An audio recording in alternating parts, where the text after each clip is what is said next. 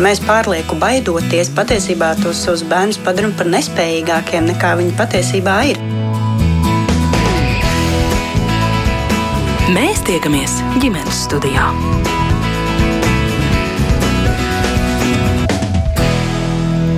Labdien! Priecājos sveicināt visus ģimenes studijas klausītājus. Mans vārds ir Agnese Linka, un šī radījuma producente ir Ilze Zvaigzne. Kas ir apziņotība un kā to mācīt bērniem, kāpēc to darīt, kā praktizēt pašiem savā ikdienā?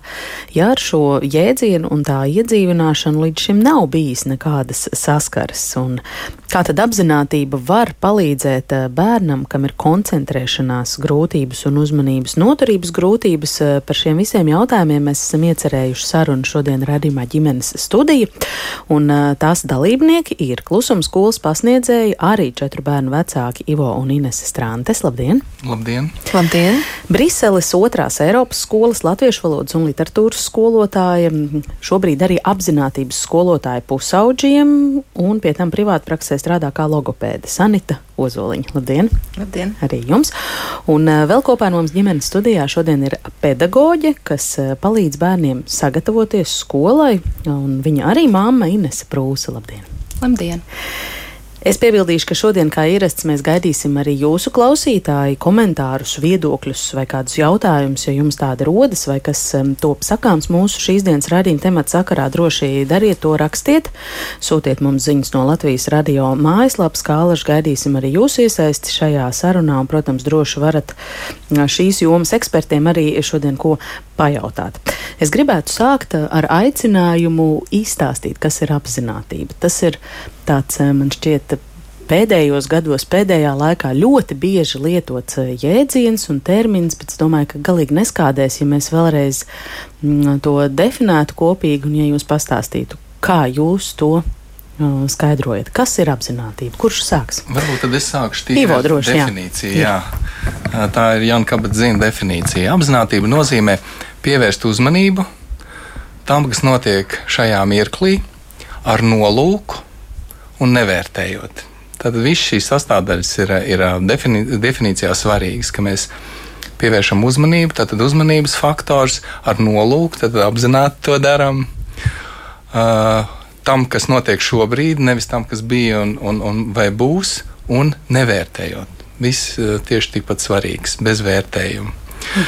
Savukārt, ja mēs pārējām uz tādu veidu, kā mēs parasti par to runājam, tas vienkārši nozīmē būt klātesošam būt vairāk klātesošam, vēl var teikt, pamodinātam savā dzīvē. Un tas ir, tā ir tāda lieta, kas ir jākopja, jā, jākultivē, jā, jāvingrina. Mhm. Nu, kas nosaka to, vai es šobrīd esmu klātesoša vai nē? Man, man auss aizķērās aiz tā nevērtējot, jo es skatos uz jums, es esmu ļoti sakoncentrējis savu uzmanību, ļoti klātesoša mm. šobrīd par to, kas šeit notiek. Nu, tas pretējais varbūt citreiz ir viegli tā, tā, tā, saprast, tā saprast. Tas pretējais apzinātībai ir autopilots ka mēs vienkārši darām kaut ko automātiski un paši nesaprotam, nu, izdarījām to vai neizdarījām, kā izdarījām. Vēl man simts domas skrien cauri, bet es arī kaut ko rakstu, braucu, riktēju, tā teikt, pa ceļam. Teiksim, tā nu noteikti nebūtu apziņotība. Apziņotība nozīmē, ka es ar nolūku, kā Ivo minēja, es zinu, ko es daru. E, un es varu būt klātesošs gan ārējā pasaulē, lietām, kas notiek ap mani, teiksim, ko skolotājs stāsta, varbūt, vai ko es dzirdu, ko es redzu. Tāpat arī iekšējā pasaulē, ko es sajūtu, ko es sajūtu savā ķermenī, ko es piedzīvoju savās emocijās. Ja, es spēju ar apziņotības palīdzību arī trenējot to ilgākā laikā, mūsos veidojās tāds iekšējais novērotājs, ka es spēju novērot savas domas, es spēju novērot savas emocijas, savas ķermeņa sajūtas, un tad jau var, varam tālāk runāt, ka, kāda rezultāta, teiksim, ko mēs varam caur to sasniegt. Un par to nevērtēšanu, to es zinu, ka nevienmēr arī ir viegli saprast, ko tas nozīmē nevērtēt. Tad, um, Arī laikam tāds viens no nu, varbūt saprotamākajiem būtu paskaidrojumiem, ka nav pareizu vai nepareizu veidu, kā justies. Mēs katrs cilvēks jūtamies ļoti dažādi, katrā situācijā dažādi, un tas svarīgākais ir to atklāt, apzināties, un to ir iespējams arī darīt kopā jau ar bērniem no no, no bērnības. No, mm. no ļoti maza vecuma patiesībā. Mm. Kolēģiem ir kas, ko piemetināt, ko piebilst, kā jūs skaidrojat uh, cilvēkiem parastajiem, kas ir apziņotība? Es parasti skaidroju tā, ka uh, pavisam vienkārši, kā Ivo un Ines jau stāstīja, nevērtēt tas varbūt gluži nenozīmē nenoraksturot, kāds viņš izskatās. Tas, ko es daru ar bērniem, kad man nāk individuāli mācīties, nu, piemēram, es paņemu kaut ko tematiski. Man bija tagad vāzīta ar pūpoliņiem. Tīri konkretizēt kaut kādas lietas, fokusēt to savu uzmanību un konkr konkretizēt tieši uzmanību uz konkrēto lietu. Un, piemēram, tas pūpoliņš ar tausti, ar, ar varbūt arī ar dzirdi. Arī ar, ar, ar ožu tādu, un koncentrēties uz to konkrēto objektu. Mm -hmm. Tā es to raksturotu. Mm -hmm. Sanita, vai ir ko piemetināt? Man šobrīd praksē vairāk sanāk um, iedvesmots apzinātībā, nu, saskatīt dzīvi pusauģus. Un es to daru tā kā angliski un arī latviešu, bet es pamanīju, ka labi strādā, ka es pastāstu, ko viņi varētu iegūt, bet es pastāstu vairāk konkrēti. Es arī uh, Ivo minētajā tā, tā angļu skolu tajā grāmatā, tur minēts. Um, Džonkam, bet zinu, grāmatā arī tur es uzreiz vienkārši izstāstu, kādas lietas varētu iegūt. Uh, nu, piemēram, tur, tur, tur būs fokusēta uzmanība, vai arī varbūt tur, tur būs enerģija vairāk, vai varbūt uh, tu vairāk sapratīsi sevi, jo empātija ir kā, gan, gan iekšēja, gan ārēja, jo pusauģiem svarīgi saprast. Un es pamanīju, ka šajā īpašā laikā viņiem nevienmēr ir viegli tās emocijas un tās domas tā savākt, kā sajust sevi un arī ķermeniski visu to. Un praktizējot, uh, ka, tu, ka viņi saprot, ka tās piecas minūtes vai tās desmit, vai nu, mums sanāk vairāk, bet vienalga mēs tur taisam pauzītes, ka viņi iegūst to, ko viņi cerējuši tajā brīdī. Ka, un kā Un tad tas ir man tāds liela, liela, liels prieks par to, ka atnāk un pasaka, nu, kā, paldies, ka es pamēģināju un es to varēšu izmantot. Mm. Lai gan es domāju, ka vēl kas, kas viņus varbūt aizrauj, ko es atklāju pēdējā, pēdējās reizes, izmantoju zvangas. Tādu. Tas ir tikai, lai dotu to toni, jums mēs ievērojam to sākuma beigu toni, bet dažs pamanās tajā, varbūt tajā brīv, tajos brīvajos brīžos vēl kāds tā kā vēl melodija, jo tur ir 12 toņi. Un jāmeklē vēl tādi veidi, tāpēc es arī izvēlējos klusumu skolā. Tāds latviskais stils ir tas manējais. Es sapratu, jo es esmu strādājis tomēr starptautiskā vidē. Un tie cit, citas tautību, tā kā tie jaunieši, viņiem tas patīk tieši un tādā veidā viņi vismaz paņem eh, to. Un, uh, es ceru, ka viņi izmantos arī tajā brīdī, kad viņiem pirms eksāmeniem notiks tur vai no autopilots, vai varbūt viņi sapratīs, kas neko vairs izdarīt nevar, kas esmu tādā, nu, tā kā sasietām rokām, bet patiesībā tur neko daudz nevajag. Atkal pasēžu dziļā elpa un varu sevi nomierināt un varu atkal būt. Nu, šeit un tagad. Un, un, Jo mums visiem ir izaicinājumi. Mums ir tās tā, stāvi, pirmais, otrais stāvs, un kad ir tu vienā, un tu to vari uz tā otrā stāva uzkāpt. Tā kā, tas nav. To var mazi bērni jau var iemā, nu, mācīties, bet mm -hmm. tas ir labi, ka to sāka ļoti agri. Nu, tā kā agri, cik var ātri, nu, 55 gados, un pēc tam tu praktizēt. Jā. Jā. Um, mēs esam šodien šeit sapulcējušies, lai runātu par to, kāda ir apziņotības pielietošana tieši izglītībā. Un, es atvainojos. Bet, Ivo, jūs esat uzrakstījis maģistra darbu par apziņotību izglītībā. Kas ir tas, ko jūs pētījāt? Vai jūs varat ieskicēt to, to pētījumu lauku? Nu, tā, tā, tā pētījuma fokus bija par, par, par to, ko apziņotība spēj sniegt tieši pedagogiem. Tāpēc tā tēma bija apziņotības praktizēšana pedagoģu profesionālā pilnveidē. Bet, bet tajā, tās, tā, tajā visā pētniecībā es, protams, arī, arī pievērsos tam, uh, Uh, ko tas dod bērniem un, un, un kā tas viņiem var palīdzēt. Un, un, un faktiski šobrīd mēs jau skaidrs, ka mēs jau pēc tās definīcijas varam, varam saprast, ka, ka mēs varam vairot uh, caur to, ka mēs to vingrinām, ka mēs to praktizējam, mēs varam vairot uzmanību. Uh, mēs varam vairot arī emocionālo Uh, emocionālo inteligenci, sajūtot sevi, pieredzot sevi un, un, un iepazīstot sevi. Uh, bet uh, bet uh, ir ļoti daudz, ļoti daudz arī empiriski pierādījumu par to, ka tas tiešām, tā, ka tiešām tas tā ir. Un, un, un, un arī pietiekami daudz šobrīd jau uh, apzināti tiek pētīti kopš 70. gadiem. Bet pēdējos 20, 30 gados jau ir ļoti daudz, ļoti daudz darba izdarīts ar, tieši ar bērniem.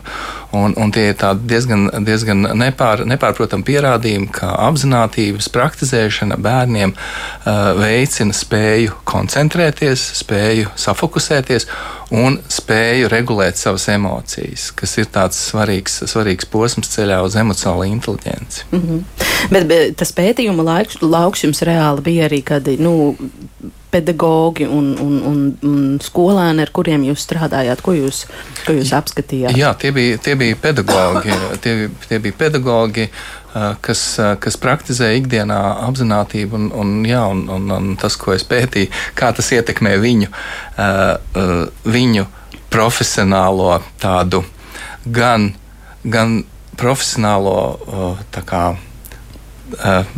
veiksmi, gan arī profesionālu labbūtību, kā mm. viņi jūtas. Mm. Un, un, un, un, un atklājas, ka apziņotība ir ļoti svarīga pedagogam ne tikai lai viņš darītu labi savu darbu un būtu uzmanīgs un vērīgs uh, pret, pret bērniem, bet arī lai viņš neizdegtu, lai viņš, lai viņš labāk uh, spētu uh, jā, sadarboties ar savām mm. emocijām, sauksim to tā. Vai mums Latvijā ir pedagogi, kas eh, bez jums, bez klusuma skolas un bez vēl klātesošajām dāmām eh, šo praktizē, un cik daudz tādu ir? Varat dot priekšstatu? Jā, nu, mēs, eh, mēs klusuma skolā šo pedagoģu apmācību uzsākām 2017. gadā, ja nemaldos. Un šobrīd um, tie šobrīd, interesanti arī pateicoties Covidam, mums bija iespēja kaut kā to visu transformēt uz, uz attālinātām mācībām. Mēs diezgan straujā veidā izveidojām apmācību platformu. Un, līdz ar to šogad patiesībā uh, tie kursi, vēl, kas mācās, būs pārpa simts pedagoģu. Tā kā pateicoties Covidam, ir noticis tāds uzrāviens, jo tāpat arī Sanita, kur mums šodien ir klātesoša studijā, varēja apgūt šo programmu. Esot Briselē, mums šogad ir arī mm, skolotāji no Meksikas, piemēram, kas liekas vispār neticami Latvieta Meksikā. Un viņa tur māca latviešu bērnus, vai ne? Tā kā, tā kā jā, atbildot uz jūsu jautājumu, ir simts, simts apmēram pāris skolotāju. Un, Un tas, um, tā programma arī ir uzbūvēta tā, ka skolotājiem ir aicinājums uzreiz sākt praktizēt ar saviem bērniem, tajā klasē, kurā viņi, uh, kurā skolotājs darbojās, vai bērndārs grupiņā, vai ir arī vecāki. Ik pa brīdim ir arī mums vecāki patiesībā, kuri praktizē ar saviem bērniņiem mājās. Mhm. Vienkārši mājās. Un kopš tā 2017. gada, cik varētu būt tādu skolotāju, ko jūs esat iesvaidījuši ar, ar šīm zināšanām. Nu, tie, kā es saku, tie ir pabeiguši šobrīd ir nu, kādi apmēram 70, 60, 70 mm -hmm. plus mīnus.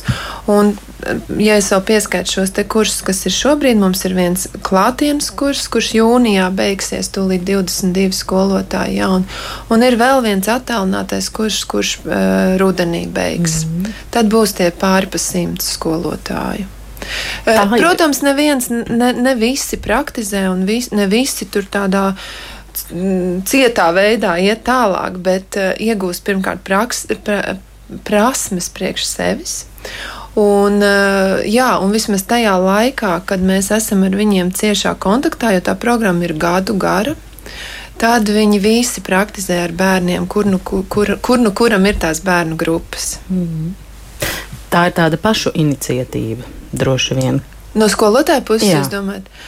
Ziniet, dažādi ir, jo arvien vairāk tagad, es nezinu, nu visdrīzāk, ka viņi paši izsaka vēlēšanos mm, šo te apgūt, taču arvien vairāk ir, ka skolas apmaksā šo, šo dalību šādā kursā, vai arī pašvaldības apmaksā. Mm -hmm. Tā kā, nu, jā. Un kādi pedagogi tie ir pa priekšmetiem? Varbūt ir kaut kādi, mm -hmm. kas, kas, kas vairāk biežāk nāk, ne? Visdažādākie. Visdažādākie. Nu, dienu visdažādākie. Ir arī skolu psihologi, sociālie pedagogi, ir diezgan daudz, ir arī pirmsskolu pedagogi. Es laikam ir vairāk pat šobrīd pirmsskolu pedagogi nekā, nekā varbūt um, tie, kas strādā ar vecākām klasēm. Jums tā programma ir vairāk uz to uh, izveidot tā kā sākums, līdz sākums, nu nevis līdz, bet sākums skolu ieskaitot. Bet visdažādākie, mm. Varbūt tad es eh, jautāšu jums, Ines, un pēc tam arī jums, Sanit, kā jūs nonācāt līdz apziņotībai, kā tādai savai profesionālai vajadzībai. Es pareizi saprotu, ka tas tā bija. Jā. Man tas arī braucot šurp, domāju, ka man tas ceļš ir bijis jau aizsācies ļoti, ļoti sen. Un pats interesantākais tas, kad es kā jauna studente, kad sāku strādāt pirmsskolā, nu man varēja būt kādi 20 rastīti. Es sapratu, man tagad ir jaunai meitenei, kurai nav pieredze iedot, tagad ir 25, 30 bērni, un kuri tagad, nu kā jau bērni, viņi ir aktīvi, un viņi tur varbūt kādā brīdī viņiem ir tas autopilots. Un es sapratu, nu, ka man kaut kas ir jāizdomā, lai viņus tā kā sazemētu mazliet. Un tad man pati, un toreiz es domāju, nekur es to nebiju dzirdējis, man acīm redzot, to kosmosu sūtīja. Es sapratu, ka eh, es izdomāšu viņiem klusuma spēli. Un klusuma spēle bija tāda, mēs klausīsimies, kā skan klusums. Kā skan klusums? Un mēs bērnus sasaucām aplītī, viņi tur apgulās, un mēs klausījāmies, un tur kaut kādu laiciņu klausījāmies, kā es tieši to organizēju, es vairs neatceros. Un tad nu, katrs dalījās, ko viņš ir dzirdējis. Un tad es sapratu, ka man tas ļoti labi strādā, un foršs esmu atklājis vienu jaunu metodi. Un tad pēc pagāja atkal kādi vairāk gadi, es uh, sāku interesēties par Montesori pedagoģiju. Un uh, sākot apgūt, studēt, kaut ko pamācīties vairāk, es atkal sastapos ar kaut ko, kurš domāju, o, oh, es jau to zināju, tur arī bija tie klusuma vingrinājumi kas tāda apziņotības. Tad man sāk tas vēl vairāk interesēt, un, protams, mācoties Montesori, es to sāku ieviest, jo es sapratu, o, vēl kāds instruments, kā palīdzēt tiem bērniem būt tādiem harmoniskākiem un arī radīt to, to, to pirmsskoliņas, to, to vidi tādu mierīgāku. Un tad, protams, atkal nāca tālāk ceļš. Es tajā laikā strādāju Ikšķils brīvajā skolā, kur ir ļoti atvērts eh, šādām visādām lietām, kur arī Manuprāt, es arī uzzināju par Ivo un Inesi, jo viņi abi sākumā brauc uz skoliņu un vadītās eh, klusuma nodarbības. Un tad, tad nāca tas jaukais notikums, kad uh, tika pasludināts tas pirmais kurs, kad, kad arī pedagogi varēs mācīties. Un jā, es devos uz turieni mācīties. Un, protams, kā jau teica Inese, tas ir ceļš pirmkārt pašam pie sevis, caur tām mācībām gada garumā man tas personīgi ļoti, ļoti daudz deva, jo man arī ir tā pārliecība, lai mēs kaut ko iedotu tādu patiešām dziļi un pamatīgi citam, mums ir pašam jāiziet tam cauri.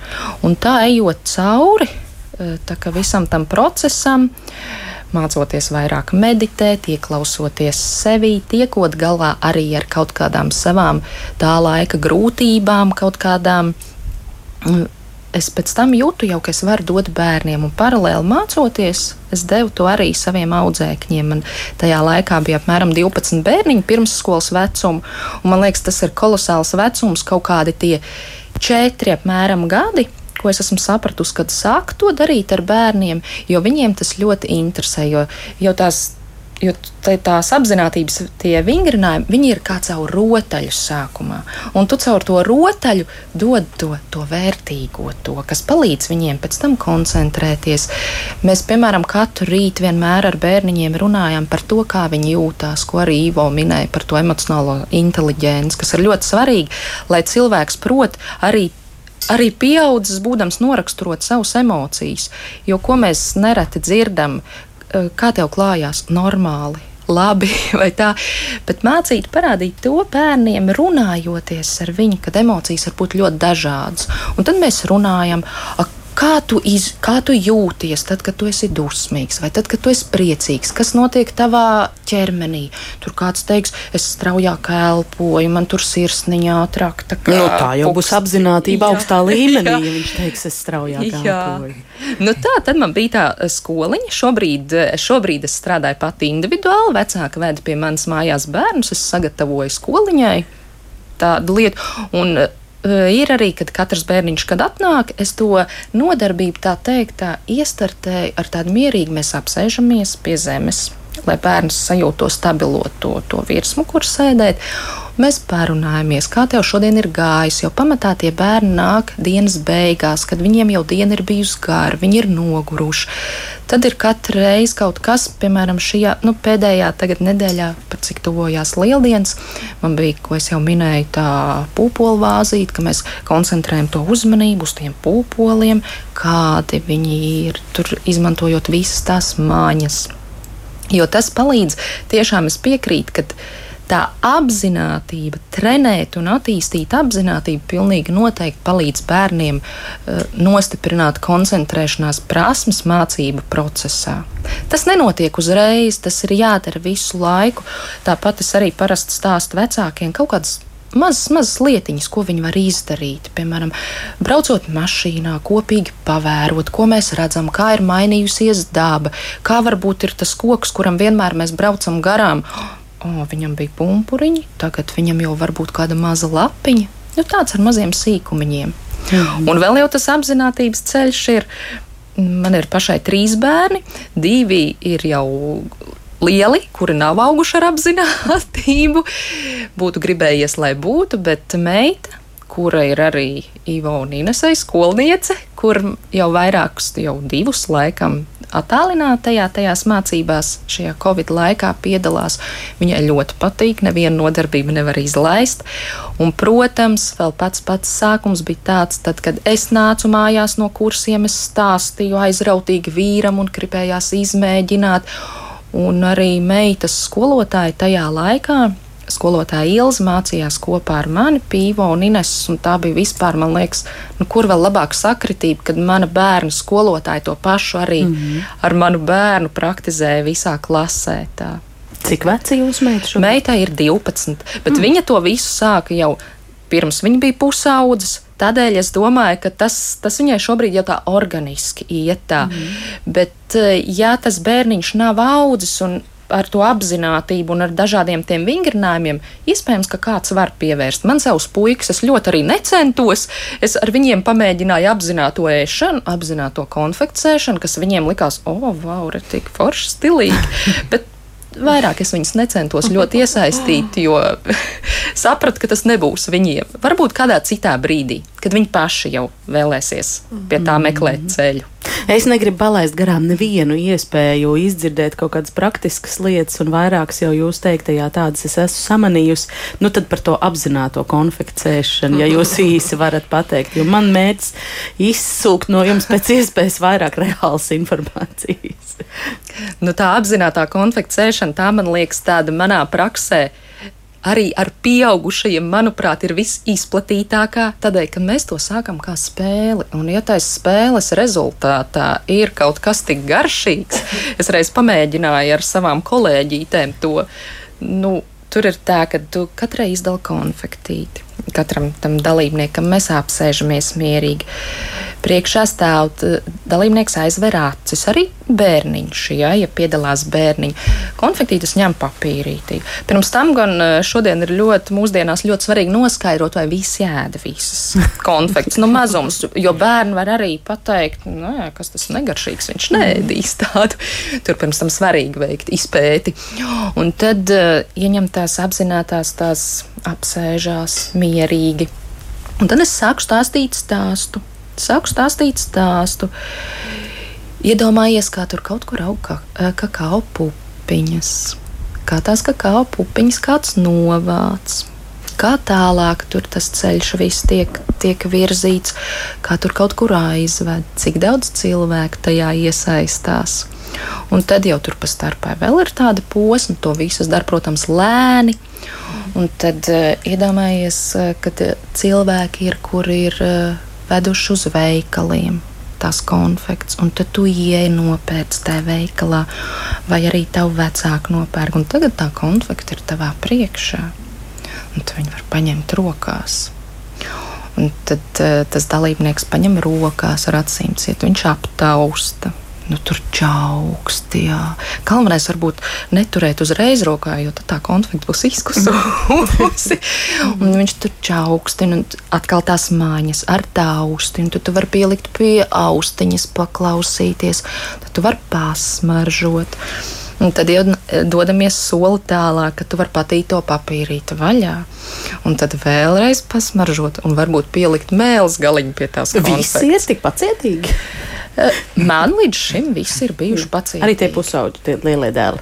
Nu, jā, jā, viņi saņēmās. Kāds šim ir tas ieguvums? Kāds šim ir tas ieguvums? Es šādam vingrinājumam, jā, piemēram. Es gribēju bišķītiņu pie tās apzinātās ēšanas pārnest to uz reālo ikdienu, par cik tu arī izteici, vai tiešām tas ir iespējams. Um, Tātad vingrinājums vienmēr ir, kas akcentē kaut kādas lietas vairāk nekā mēs ikdienā. Bet kā mēs, piemēram, apzināti ēšanu varam pārnest ikdienas, to arī iesaku bērniem. Nu, tad, kad es uh, uh, bieži vien mēs arī varam novērot, ka mēs ēdam un paralēli skatāmies telefonā vai ko, protams, tas pie apzinātības, nu, tā kā pilnīgi nedara. Mēs darām vienu lietu vienā reizē. Bet mēs apsēžamies pie tās savas mīļotās pizzas, un mēs viņu vispirms ieraugam. Mēs ieraugām, ko mēs īsti ēdīsim šodien pusdienās. Mēs pasmaržojam uz sekundi. Burtiski, ja mēs pasakāmies, tiešām mēs pasakāmies, mēs apzināmies, ka, lai tā pica te līdz manim nonāk, tur ir nu, simts cilvēku strādājuši. Mēs apzināmies to vērtību šim ēdienam. Nu, tik daudz, burtiski uz mirkli. Un tad to pirmo kumos es tiešām nu, izgaršoju. Un tad es tālāk varu ne, ēst mierīgi. Nu, tāda, tāda ikdienā ienešana, ka es apzināti apēdu vismaz kumos vai trīs. Jo parasti mēs to nedarām. Mm. To var darīt ne tikai tā, varbūt arī netrad, nu, neparasta vide. Es pat atceros, es spilgtākas man studiju laikā, kad es pati apzināti mācījos klusuma skolā, pirms tam es to mindfulness skolā darīju, tā kā mindfulness skolas. Manai ģimenei, jo es tomēr Covid laikā mācījos, vislabāk patika, jo manā ģimenē aug pusauģi divi lieli. Un, un tajā pārgājienā, kur mēs gājām Ardēnos, mēs mēģinājām vienu praksi past, pastaigājoties tos 15 km, eh, ieslēgt visas maņas. Nu, to es darīju, bet es arī nu, iedvesmoju pārējos, viņi tur katrs savā brīdī to darīja. Bet to ēšanu var darīt arī sēžot, skatoties. Nu, arī pieslēgt to skaisto nu, dabas gleznu, var teikt. Jo man tur bija tā, ka es, es visu laiku klausījos to upes skaņu. Es domāju, ka tik lieliski sēž un es ēdu to tajā reizē nebija konflikta, laikam bija cepums, bet uh, man ir uh, akustisks uh, brīdis, kas mm. varu ēst ar dabīgu skaņu, kur ir daba, jo mēs dabu, dabu nu, tomēr ikdienā nevaram tik, tik varbūt tik bieži, jo nu, tomēr strādājam un tā, un nevienmēr tie brīži ir tādi, ka tu apstēdies parkā un tā, tomēr mums dzīve tāda vairāk tajā režīmā darīt, skriet, nu, iet un tā, protams, protams, bet būt, jā, atrast tos brīžus. Mm. Bet, ja es tā kā varētu turpināt par tām praksēm, kas arī, um, jo es Es gribēju jums jautāt, ja à. jūs uh, strādājat uh, ar pusauģiem un skolā. Tas nav tā kā Ineses gadījumā ar, ar, ar vienu uh, bērnu individuāli un pirmsskolas. Jums ir pusauģi, un es saprotu, vairāk reizē latviešu valoda literatūra un apzinātība. Kā tas notiek? Uh, Latviešu valodas stundās es ar klasi mums ir reize nedēļā pavisam īsi, jo mēs nevaram uh, tā kā ilgstāk integrējat tajos, tajos priekšmetos. Viņi zina, kurā dienā. Un uh, viņi zina, cik tas ilgi stunda. Jā, jā, tas ir viens, viens veids, ko es daru, tas latviski notiek. Tur jau man tad, uh, viņi prasa, man pat teica, Skotē, atcerieties, jums rītdien jāpaņem ir zvangas. Kā, nu, skaidrs, mm. tas nozīmē, ka es zinu, ka rīt ir otrdiena. Un tad man tā kā iekšā, yes, nu, ka. un tad otrs, kuras uh, ir 40 minūtes, tas uh, nav latviski, uh, jo tās ir uh, dažādu tautību. Viņiem tā ir klases uh, audzinātājs stunda. Mums ir pirmo, pirmo gadu skolā tāda stunda, ka reiz mēnesī klases audzinātāji um, palīdz jauniešiem tās dzīves prasmes apgūt, kas ir vajadzīgas dzīvē, un viena no tām arī ir šī apziņotība, kas varbūt ir emocijas, vai varbūt stresa vadība, varbūt ir uh, noturība un tā tālāk. Tas ir astoņas. Un tad trešais posms, kur es labi savā ģimenē mēģinu, man ir uh, fantastiski uh, palīdzēja vismaz manam jaunākam dēlam. Uh, uh, apgūts arī Ines, jo viņš arī gāja attālinātajā kursā, un arī viņa māsīca. Jo tad, uh, ja pusauģiem vecākiem dažreiz ir izaicinājums, tu esi aizrāvies ar to, bet lai arī tavs bērns. Uh, paņemtu kaut ko vairāk, tomēr es uzskatu, ka ir labi piesaistīt kādu citu cilvēku. Jo tad, vismaz pusauģu vecumā, viņiem tā pretestība ir mazāka. Jo tad nu, viņš atnāk. Māma, jā, nu, kur, jā, kurš jā, jā. tur ir? Jo es pat, piemēram, strādāju logopēdi individuāli. Nu, tas man jā. ir ar individuālie darbi. Es arī zinu, ka, ka viens, ko var, ko tu Vecāk, vari kā vecāks, jā, jā un kur. Un es īstenībā, kad ir individuālais darbs ar bērnu, man gan skolā sanāk, gan arī privāti, es tomēr mēģinu, mums ir mazs rituāls brīdis kas ir arī kas apziņotības brīdis. Es to tā kā nesaucu tieši tādā veidā, bet es, uh, tas ir, kur uh, attiecīgajā stundā, kas ir kāda tēma un kas. Ka, un man liekas, ka ļoti labs veids, ko arī vienkāršiem parastajiem, jo nu, es tomēr gāju arī to ceļu, kas pat mācījos, kas man vismaz aizgāja arī ko pusauģu vecāki ar to var. Ja ir uh, cilvēki, kuriem patīk kaut kas radošs, labi, sportā ar to var darīt, protams, bet, bet ja radošo fantastisku var, es nezinu, tā pati to tinti pilināt uz tā audekliņa, uz tā kokvilnas auduma. Tur var tajā ūdenī tās, tās tintas pilienas vai tās, tās smilšu krā, krāsainās smiltis likt, vai arī zīmēts papīra, un ja to pasniedz kā tādu radošu nodarbi un uh, fokusētu uzmanību, un arī tādā veidā tu sakārtot vari sevi, jo tu to dari apzinātā veidā. Uh, Viņi izbauda, jo es to darīju vasarā, toreiz ar četriem jauniešiem mēs pilinājām tās uz tauduma, un mums bija noruna, kā mēs to darīsim. Es redzēju, ka sākumā bija pretstība, ka nu, tur nedarīšu, nedarīšu, un tādā. Bet beigās viņas skatījās, ah, cik, cik skaisti sanāca. Mm. Jo tas, tā kā vēl ir citi veidi, protams. Bet es domāju, pārgājiens arī ir labs veids, un to var arī integrēt dažas tās lietas, īpaši, ja tajā grupā ir tie, nu, tie spurainie, mm. tie pusauģi. Jā. Bet tieši par tiem pusauģiem un klasē Kā tas ir? Eh, varbūt jūs varat pastāstīt nedaudz à, precīzāk, kādus piemērus klases stundās vai tajās latviešu literatūras mm -hmm. stundās, kad ir tas nolīdz ar, ar zvangu iezīmētais sākums un beigas. Kā tas notiek? Nu, reāli, Jā. ko, ko jūs ar viņiem darāt, ko jūs viņiem stāstāt, piedāvājat? Jā. Uh, tajā stundā ir tas man izstrādāts princips. Es varbūt pirmajās reizēs es vēl meklēju, kā tur labāk, jo tā ir parasta tradicionālā skola. Protams, tā stunda ir tur klasika, iekārtojums un tā. Un arī, bet es uzreiz sapratu, ka pirmkārt ir svarīgs aplis. Tur es uzreiz skolotājiem, klases audzinātājiem uzreiz palūdzu, tas mums ir jā, jānodrošina. Uh, otrs ir tā zvanga, uh, un es iesaistu vienu, es viņam saku, kurš būs tas uh, uh, skaņas līderis vai kā, kurš būs atbildīgs par to. Es dodu, jo mēs uh, izdarām vairākas praksītes, jo 40 minūtēs vai vairākas viņam parāda pa vidu arī kāds varbūt sarunas, un viņi dalās. Tas ir viens. Un, um, un, uh, kas vēl patīk, es vienmēr nesu tādu trauku, kurā ir. To varētu, nu, tā varētu mandāls sataisīt. Tur dabas, dažādas dabas, um, tur akmentiņi, tur kas ir, tur mizas, tur. Bet viss skaists, un tur pa vidu varbūt ir kāda svece. Labi, tās visas ir, tā nav dabīgā svece, tā ir tā kā, kur var ieslēgt gaismiņu elektriski, jo nu, skolas vidē, protams, mēs nevaram pēkšņi tādas tur nedzināt. Es radu vēl to vidi, jo es redzu, meitenēm ļoti patīk. Viņas, tur tas ir vizuālais baudījums, jo cilvēki tomēr mēs tos pasauli redzam, cits to dzird vairāk, cits varbūt to vizuālo, to viņi redz, jo viņi zina, ka tur tie divi krēsli. Un otra lieta, ka ir ļoti svarīgi, ko es arī pati mācījos, jo es um, vārds. Kā tu to pasaki, kādus tu vārdus lieto? Jo es pat, piemēram, ar vīru tagad uh, gadu mēs mācāmies uh, apzinātu kā, komunikāciju. Mums tā kā, tā kā terapija, ter, terapija, bet es sapratu, ka tas kā, mums arī ļoti uh, noderīgi. Bet pusauģiem ir ļoti svarīgi, uh, jo viņiem ir pietiekami lieli, ka to ar viņiem uh, komunicē tā ir apzināta komunikācija. Jo tu viņam prasi, kā tu jūties, ko tu pamani. Ko tu pamanīji? Jo, piemēram, es kādam prasu, kurš piemēram, bija bijis tas, kurš sits to toni, un viņš mēģinājis. Pēc tam redzu tāds puisis, kurš, piemēram, tikko bija viens spilgts gadījums, kur kā, man bija jāiet portugāļu klasē, un es jau zināju, es biju dzirdējis, jo es ne, tās klases jau nepazīstu, nu, ka tā ir nu, tā kā, nu, traka klase. Bet es ne, ne, nerunāju, nu, mentalitāte tā nav problēma, bet ka, nu, tā skolotāja saka, ka viņai grūti. Un viņa man tur sagatavoja, un tā Bet, kad tur es izvēlējos, pamanīju, ka tas no tiem puišiem, iespējams, ar, kuri, ar kuru viņiem nav viegli. Kā es redzēju, ka tas bija tas gals, ar ko viņi vairāk tur parunāja portugālis, kas vēl nezinu.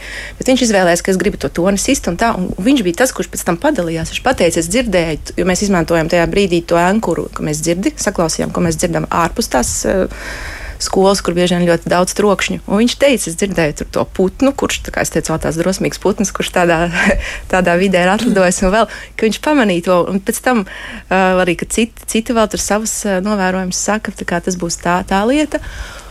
Un es vienmēr tomēr sagatavoju, to ne, nedodu tajā brīdī, kad mēs praktiski trenējamies, arī izdevus materiālus, kurus uh, sagatavoju jau pirms es piedāvāju skolā to kursu. Jums ir tāda astoņu uh, kā, prasmju grupa, kur ir skolotāji, kuri izrī, iz, izrādījuši in, iniciatīvu, ka viņi kā, um, mēs uh, esam tie skolotāji, kas kā, rada to interesi gan citos kolēģos, mēģināt, gan arī skolēnos ka viņi pēc tam var mājās apskatīties. Tur īsti tas materiāls, bet tur tieši pastāsta, kā tas viss ir tīri eh, anatomiski, mūsu, kā mums tās emocijas notiek. Viņiem tas patīk, jo daži, kas bija skeptiski tajā grupā, kas man jau sākumā paprasa, un es saprotu, ka viņiem šis neliekas kaut kas populārs un interesants. Jo, bet, kā atnāk un pajautā pēc tam, vai jūs varat man iedot to izdevuma materiālu, tad es domāju, ka viņš noteikti, vai viņa apskatīsies pēc tam mājās, varbūt patrenēsies vēl. To kādu, kādu es varu papildināt, varbūt nedaudz par, par darbu klasē, parastā skolā, kas ir uh, arī mūsu pieredze. Um, strādājot, mēs strādājam ar 30 bērniem klasē, tā kā tas Latvijā ir. Un uh, stundas ir 40 minūtes, un starpbrīži ir 10 minūtes. Un, un mums Latvijā, teiksim, nav iespēja pārbīdīt klasi pa to laiku, diemžēl, un uztaisīt apli. Mums ir jāierodās telpā tāda, kā ir, pie bērniem tāda, kāda ir. Viss tieši tā, kā ir. Un um, arī šādos apstākļos ir uh, ļoti labi strādāt apzinātības, uh, apzinātības praksēm.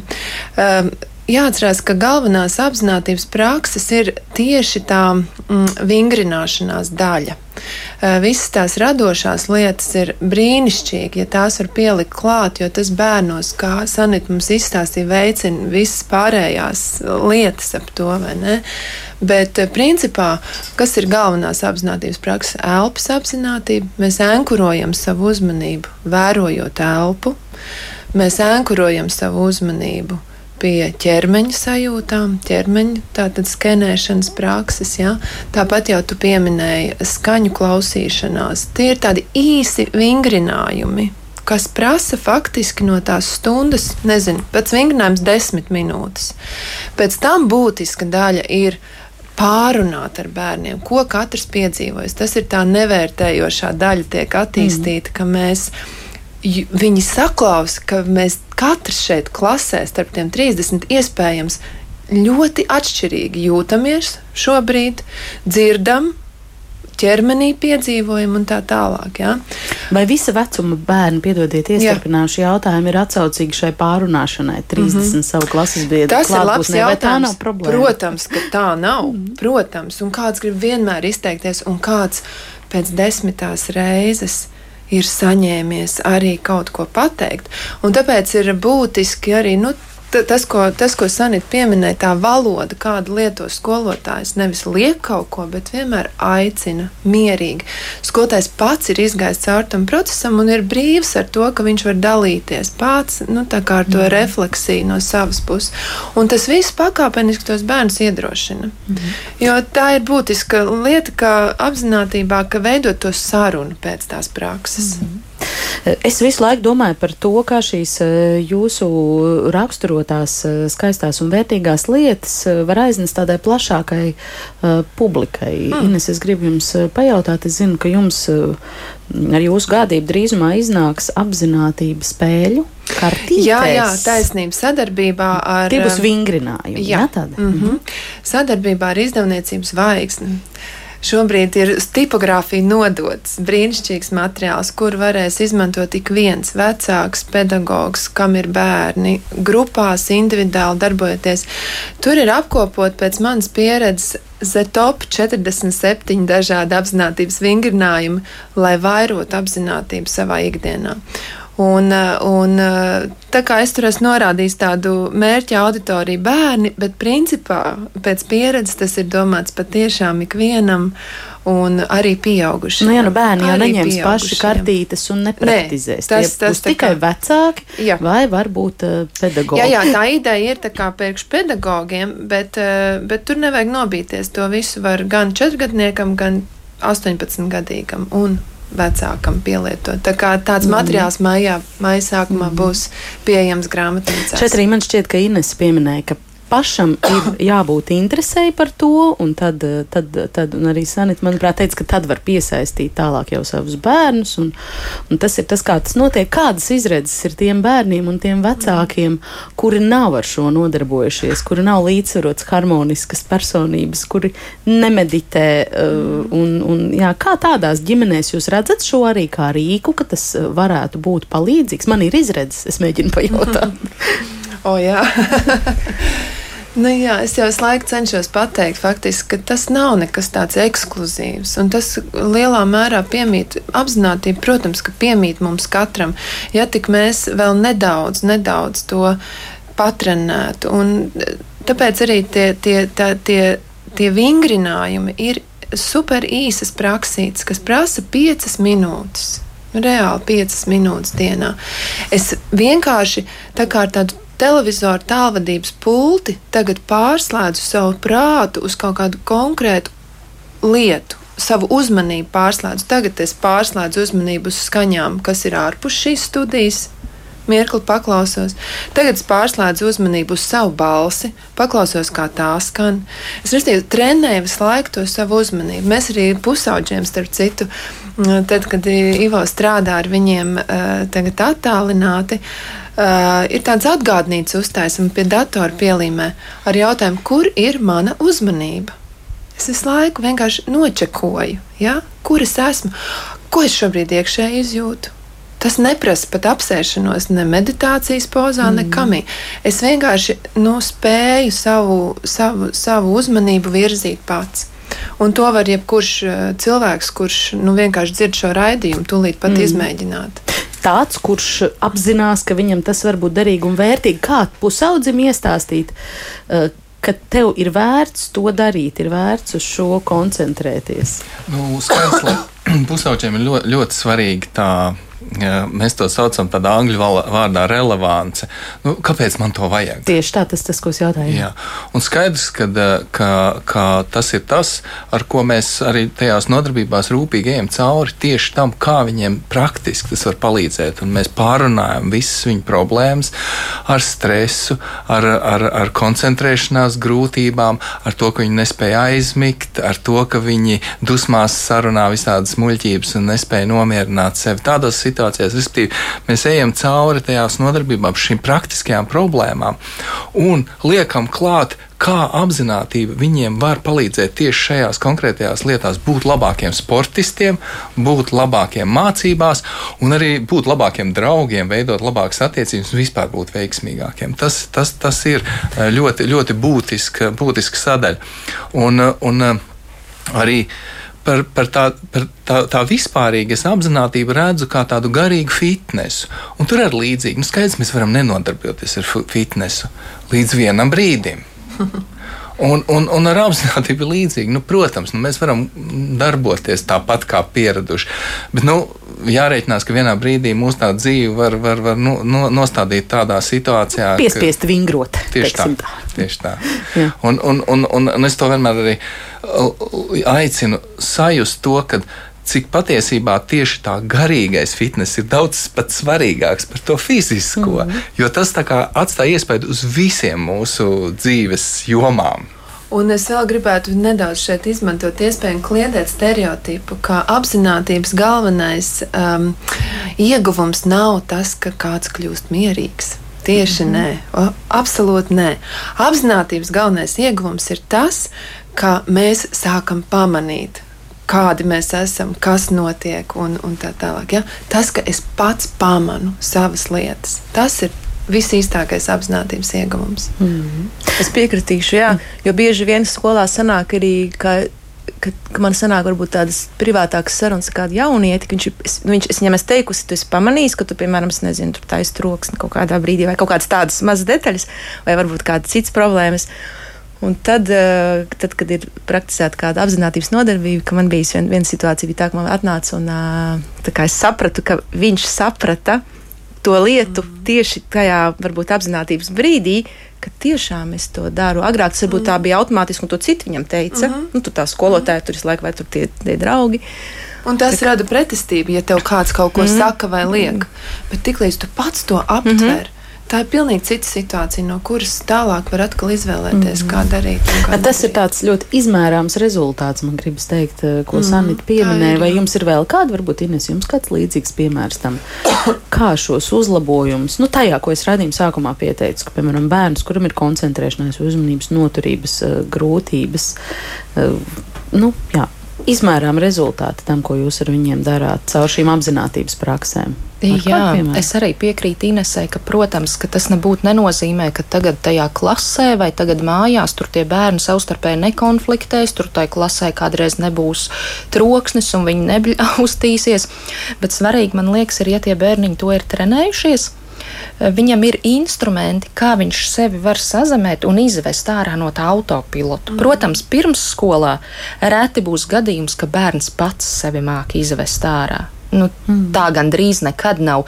Bet pieaugušais, kurš ir blakus, kurš ar bērnu kopā ir darījis tos dažādus tos vingrinājumus, uh, viņš var paņemt to bērniņu, pavest malā, aprunāties, kā tu jūties, kas ar tevi notiek, un, un kopā paņemt kādu vingrinājumu un pāelpot. Es pati ļoti bieži elpoju. Mm. Es mācu savai meitai elpot, arī tad, ja pa telefonu viņa man piezvana satrauktu, kā bija piemēram vakar, kad ir eh, saplīsus vijolē stīga. Es saku, elpo, nesatraucies, elpo. Jo man liekas, tas ļoti labi palīdz. Jā, un arī tā koncentrēšanās pilnīgi noteikti arī. Jo es, man ir piemēra tāds puisīts, un vēl tur meitnīt, kur nāk no rudens mācīties pie manis, cik viņi sākumā varbūt atnāk tādi, nu, tādi pišķiņu uzvilkti, un kad viņiem tur to un to, un viņš nespēja koncentrēties varbūt uz konkrētu uzdevumu, tur tieši kā, kā iemācīties to burtiņu rakstīt. Bet mēs viņu tā iesākam mierīgi, es iemācu tā, koncentrēties uz tieši to darbību, kā, jo bērni vēl ir pieraduši ļoti ātri, ka viss notiek. Viņi grib visu mm. ātri. Un man liekas, arī mēs varam mācīt, ka lietas var notikt lēnāk, tad, ja tu pievērs katram kriksītim uzmanību tādu.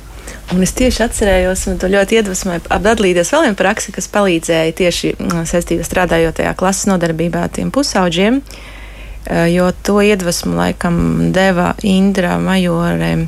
Dušela toreiz eh, viņa tika aicināta, mm. un viņa piedāvāja tādu praksi, kas ļoti patika pusauģiem, un man īstenībā arī patika. Tas arī Covid laikā arī labi. Tās simetriskās kustības, jo man patīk arī tās ķermeņa prakses, kas mm. ir. Un simetriskās kustības, ka tu um, koncentrēti, kusties simetriski. Protams, viņam, pajau, viņam tika pajautāts, kas ir simetrija, viņi saprot, jo to mēs varam ļoti labi redzēt, tiem, kam mājās ir kaķi, suņi un tā, jo viņi jau kustās uh, simetriski. Un, ka, un ka viņi izkustina, varbūt pat nevajag mūziku, bet savu ķermeni, īpaši viņi tur sēdējuši tajā, mēs tur sēdējām ļoti daudz pie tā datora, visu laiku tādā vienā tādā pozā.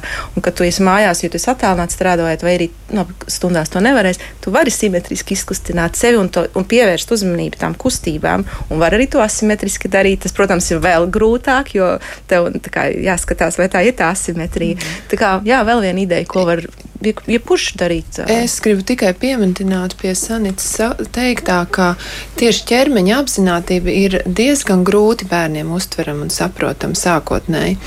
Un, um, mēs strādājam nu, daudz grupām, un ir tiešām bērni, kurus, nezinu, četrus gadus nāk pie mums. Un, ja mēs runājam par izmērāmiem rezultātiem, tad tas rezultāts ir neticami. Kā bērns, kurš ir jau trenējies, spēj reflektēt, kas notiek viņa ķermenī un sajust ķermeņa sajūtas no tā bērniņa, kuram pirmo reizi ir teiksim, šī praksa tiek pildīta. Ja? Nu, nu, tā kā pieaugušais, viņš spēja just savus kāju pirkstus un, un, un, un matu galus. Jā, nu, es pārspīlēju, protams, bet viņš ļoti izteikti jūt, teiksim, ķermeņa skenēšanu spēju. Tajā pašā laikā, kad mēs runājam, kā, kā iet pa dienu un, un kas ir noticis tavā dienā, tad tā viņa valoda ir, es jau ķermenī sāku just, ka man vēderā tur sarodās tā sajūta, es jau zinu, ka man visdrīzāk mm. izpaudīsies tāda un tāda emocija. Ja?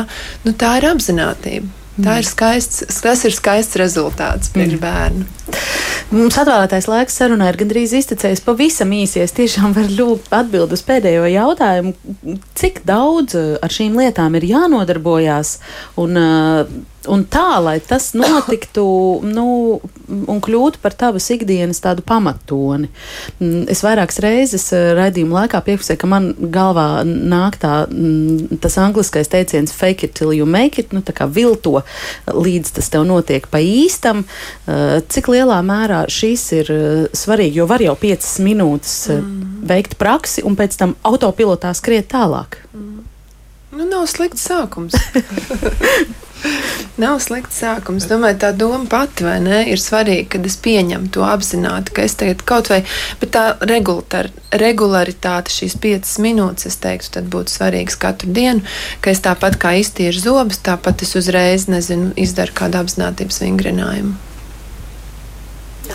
Es piekrītu. arī atrast, kurā laikā, jā, jo es, piemēram, meklēju pati sev, kurš tas laiks man būs, un es pamanīju, ka man agrāk tur bija viens veids, otrs, bet es atradu tomēr, lai, nu, kā varbūt tā ikdiena ir, ka man vislabāk patīk tomēr rīts, un es atrodu jau labu laiku to rītu, Un, piemēram, man tās ir 20 minūtes, bet tas nav standarts. Kādam var būt arī tās 5. Bet tas tā, jā, tieši tā, ka tas ir tavs rituāls. Un es, nu, es, kā es vienmēr saku arī savai ģimenei, ka to es nevienam neatdošu. Tās ir manas 20 minūtes. Jo tad es uh, sevi tā kā ievadu dienā, un es zinu, ka man būs skaidrs, kas man tajā dienā mm. būs, un ka es būšu tas labākais es būšu savs labākais eksemplārs. Tā kā tā tajā dienā es maksimāli varēšu būt. Kā, nu, tas ir svarīgi, ka viss no mums tā kā sākas. Jā. Mm.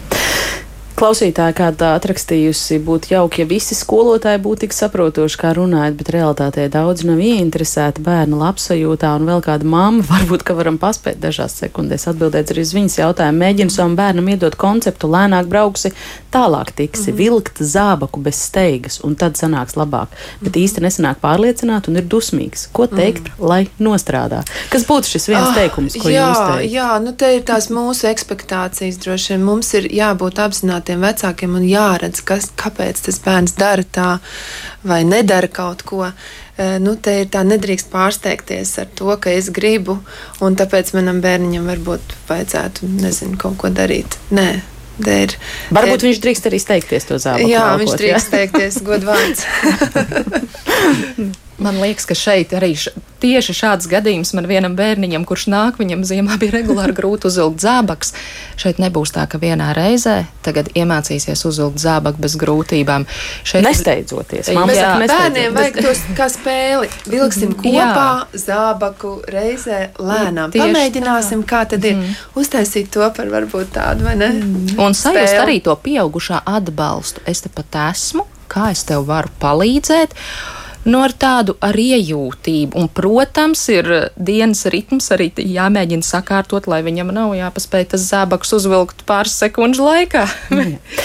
Paldies eh, par sarunu ģimenes studijā. Es šodien saku klusuma skolas eh, vadītājiem, dibinātājiem Ivo un Inesai Strantēm un arī dzen divām pedagoģiem eh, Sanitai Ozoliņai un Inesai Prūsai, kas viesojās šodien ģimenes studijā. Paldies par sarunu raidījumu. Šodien veidoja Ilza Zvaigzne, Katrīna Bramberga un es Agnese Linka. Vai jauniešu finanšu pratība ir pietiekama, lai izvērtētu ātro kredītu ņemšanas riskus un arī neiesaistītos finanšu noziegumos, kļūstot par tā sauktajiem naudas mūļiem. Izrādās tādas lietas notiek un ir diezgan izplatīts. Par to mēs plašāk diskutēsim ģimenes eh, studijā rīt. Klausieties mūsu kā allaži no diviem līdz trijiem. Mēs tiekamies arī podkāstos un eh, sekojiet radījumam eh, sociālos tīklos, Facebook un Instagram. Uz sadzirdēšanos!